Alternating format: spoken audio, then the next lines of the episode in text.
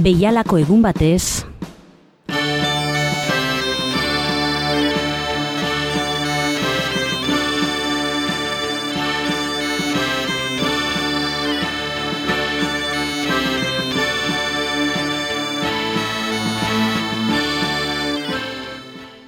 Gaurkoa bezalako egun batez egin zuen Martin Luther Kingek Vietnamgo gerraren aurkako aldarria. Mila bederatzireun da irurogeita zazpiko apirilaren laua zen. Amerikako estatu batuetako afroamerikarren eskubide zibilen aldeko ekintzaile garrantzitsuena zen ordurako Martin Luther King Jr. predikari baptista, irurogeta lauan bakearen Nobel saria eskuratutakoa. Egun hartan bere diskurtsorik garrantzitsuenetakoa eman zuen New Yorkeko Riverside Elizan. Historiarako geratu den salaketa ozena egin zuen – Milaka lagunen aurrean, estatu batuen imperialismoaren atzean zegoen arrazakeria salatu eta beraz herrialde barruko arrazakeriarekin zeukan lotura ere salatu zuen Beyond Vietnam, Vietnamez arago izeneko diskurtsoan. Egun berean, baina urtebete geroago, irurogeita sortziko apirilaren lauan hil zuten King Memphisen. We are at the moment when our lives must be placed on the line if our nation is to survive its own folly. Every man of humane convictions must decide on the protest that best suits his convictions. But we must all protest. Now that is something seductively tempting about stopping there and sending us all off on what in some circles has become a popular crusade against the war in Vietnam. I say we must enter that struggle, but I wish to go on now to say something even more disturbing. The war in Vietnam is but a symptom of a far deeper malady within the American spirit. And if we ignore this sobering reality, and if we ignore this sobering reality, we will find ourselves organizing clergy and layman concerned committees for the next generation. They will be concerned about Guatemala and Peru. They will be concerned about Thailand and Cambodia. They will be concerned about Mozambique and South Africa. We will be marching for these and a dozen other names and attending rallies without end unless there is a significant and profound change in American life and policy. Egoaldean sortua zen Martin Luther King Jr. Aita hartzain edo predikatzaile baptista zuen, Michael King izenez jaioa. Baina Alemaniara egindako bizita baten ondoren, izena Martin Lutheroren omenez aldatzea erabaki zuen. Bigarren semeari ere Martin Luther izena ezarri zion. Georgiako Atlantan jaio zen Martin Luther Jr.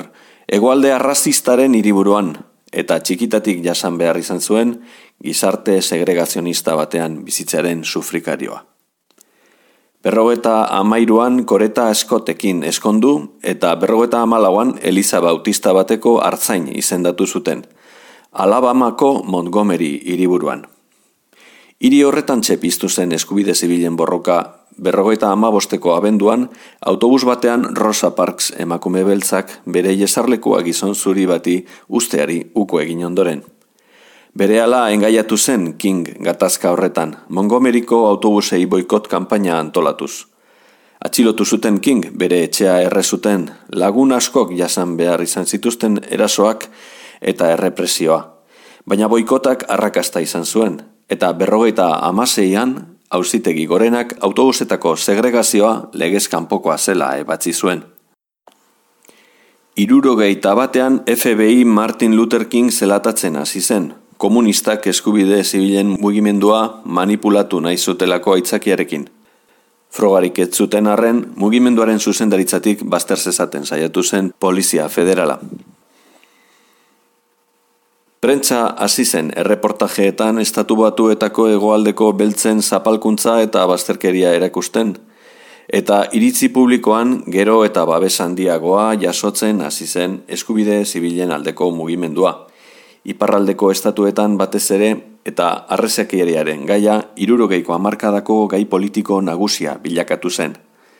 Kingek boto eskubidearen eta beste eskubide batzuen aldeko martxak antolatu zituen, gehienak jaso ziren irurogeita lauko Civil Rights Act eta irurogeita bosteko Voting Rights Act eskubide aldarrikapenetan. Irurogeita bian, Georgiako Albani irian atxilotu zuten, manifestazio baketsu batean parte hartzeagatik. Berrogeta bost eguneko kartzelaldia edo izuna ordaintzea eskaini zioten eta berak kartzela aukeratu zuen. Polizia buruak ordaindu zion izuna orduan, presondegian King ez mantentzearen. Behin eta berriro egin zuen dein manifestazioetara eta manifestazioak baketsuak izan zitezen. Alabamako Birmingham irian, irurogeita iruan, populazioaren euneko irurogeita bost zuria zen, eta gainerako gehienak beltzak. Baina segregazio handia zegoen kaleetan eta parkeetan, ez zen dendari, polizia edo banka langile beltzik, eta beltzen euneko amarrek soilik zeukan boto eskubiderik. Atentatu arrazista ugari egiten ziren beltzen aurka. Boikot kanpaina antolatu zuen eskubide zibilan aldeko ekintzaile taldeak eta King atxilotu zuten protesta batean. Kartzelatik idatzi zuen Letter from Birmingham Jail bere borroka definitzen zuen saioa. Errepresio basatia agindu zuten alkate eta gobernadore arrazistek, eta bortizkeria irudiek iparraldeko estatuetako iritzi publikoa unkitu ondoren John F. Kennedyk Guardia Nazionala bidali zuen alkateak dimisioa eman zuen kartel segregazionistak kendu zituzten eta leku publiko guztiak beltzak onartzera behartuak izan ziren. Birminghameko kanpainak bultzada handia eman zion Kingen figurari, eta ondoren Washingtonera antolatuko zen martxaren arrakastarako elementu garrantzitsua bihurtu zen. Amorratuta, Kukus Klan erakunde arrazistak Eliza Bautista baten aurkako erasoa egin zuen. Mesa erdian bomba bota eta launeska beltz hil eta hogeita bi aur zauritu zituzten. Lanaren eta askatasunaren aldeko martxa antolatu zuen ondoren eskubide zibilen aldeko mugimenduak. Kennedy presidentea kontra agertu bazen ere, egin egin zuten martxa. Irurogeita iruko abuztuaren hogeita sortzian, Washingtongo kapitolioaren aurrean, ordura arteko inoizko manifestaziorik handienean, hitza hartu zuen Kingek, berreunda berrogeta mar mila lagunen aurrean, eta bere I have a dream diskurtso famatua egin zuen. Arrakasta itzela izan zen martxa ura, eta eragina izan zuen ondorengo eskubide zibilen aktaren onarpenean. Uztailean, azkenik, eskubide zibilen akta sinatu zuen Lyndon Johnson presidenteak, segregazioa eta bazterkeria indargabetzeko neurri eta arau sorta garrantzitsua. Berriro atxilotu zuten King irurogeita lauan, Floridako San Agustin irian ekintza zuzen batean esku hartzen ari zela. Urte horretako urrian, bakearen Nobel saria eman zioten Martin Luther Kingi. Bi hilabete geroago, abenduan, Alabamako Selma iritik Montgomery iriburura antolatutako martxa baketsu batean parte hartzen ari ziren zeiaun manifestari bortizki erreprimitu zituen poliziak porraz eta negargazez. Bloody Sunday bezala ezagutuko zen egun hartako irudiek iritzi publikoa inarrosi zuten. Irurogeita zeian Chicagora aldatu zen King bere emazte koreta Scott Kingekin. Bertan indartsu omen zebilen beltzen mugimendua, baina oso esperientzia etxipengarria izan zen ura Kingentzat. Chicagon manifestazioetan egon zen bortizkeria ikustea, eta beltzak nolako getoetan eta nola bizi ziren ezagutzea. Ego aldera itzuli ziren bizitzera, Jesse Jackson Chicagoko mugimenduaren arduradun moduan utzirik. Irurogeita bostetik aurrera hasia zen King Vietnameko gerran estatu batuek zuten jokabide imperialista kritikatzen, baina irurogeita zazpiko apirilaren lauan bere diskurtsorik garrantzitsuenetakoa eman zuen New Yorkeko Riverside Church elizan. Historiarako geratu den salaketa ozena egin zuen Beyond Vietnam, Vietnamez arago izeneko diskurtsoan.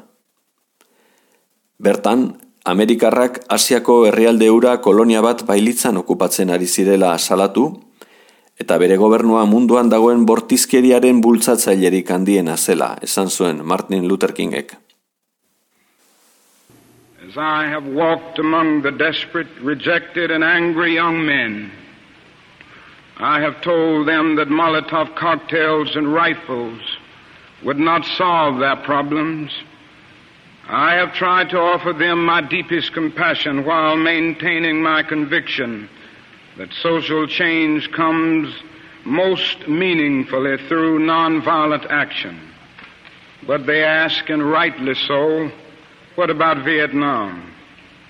They ask if our own nation wasn't using massive doses of violence to solve its problems, to bring about the changes it wanted. Their questions hit home, and I knew that I could never again raise my voice against the violence of the oppressed in the ghettos without having first spoken clearly to the greatest purveyor of violence in the world today, my own government. Bere inguruko askok aldez aurretik Vietnamgo gerra ez salatzeko aholkatu zioten, ur handitan sartzea zela argudiatuta. Ez hitz egin Vietnamgo gerraren aurka, esan zioten.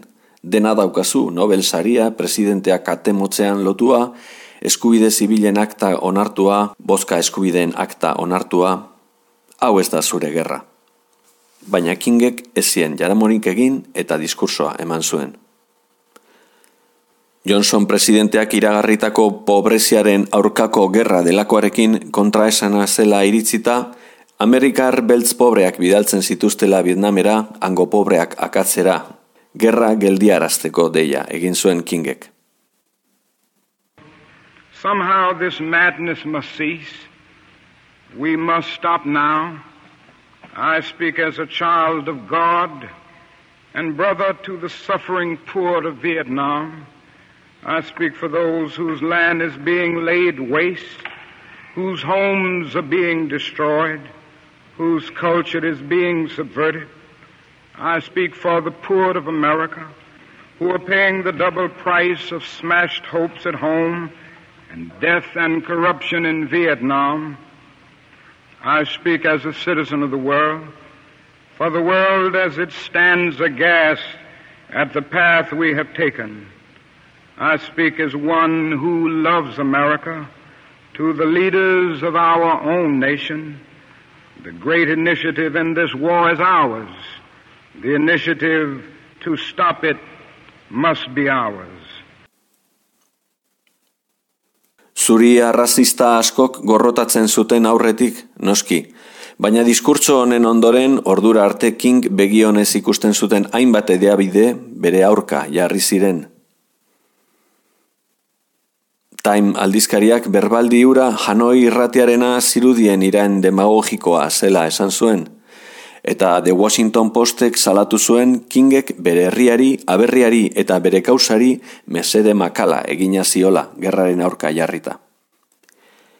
Beyond Vietnam diskursoa azken finean bere bilakaera politikoaren emaitza zen. Azken urteotan gero eta argiago ikusten zuen estatu batuen gerrarako joera ostopoa zela herrialde barruko bidegabekeria sozialen eta arrazakeriaren konponbidean arrasakeriaren atzean kapitalismoa zegoela.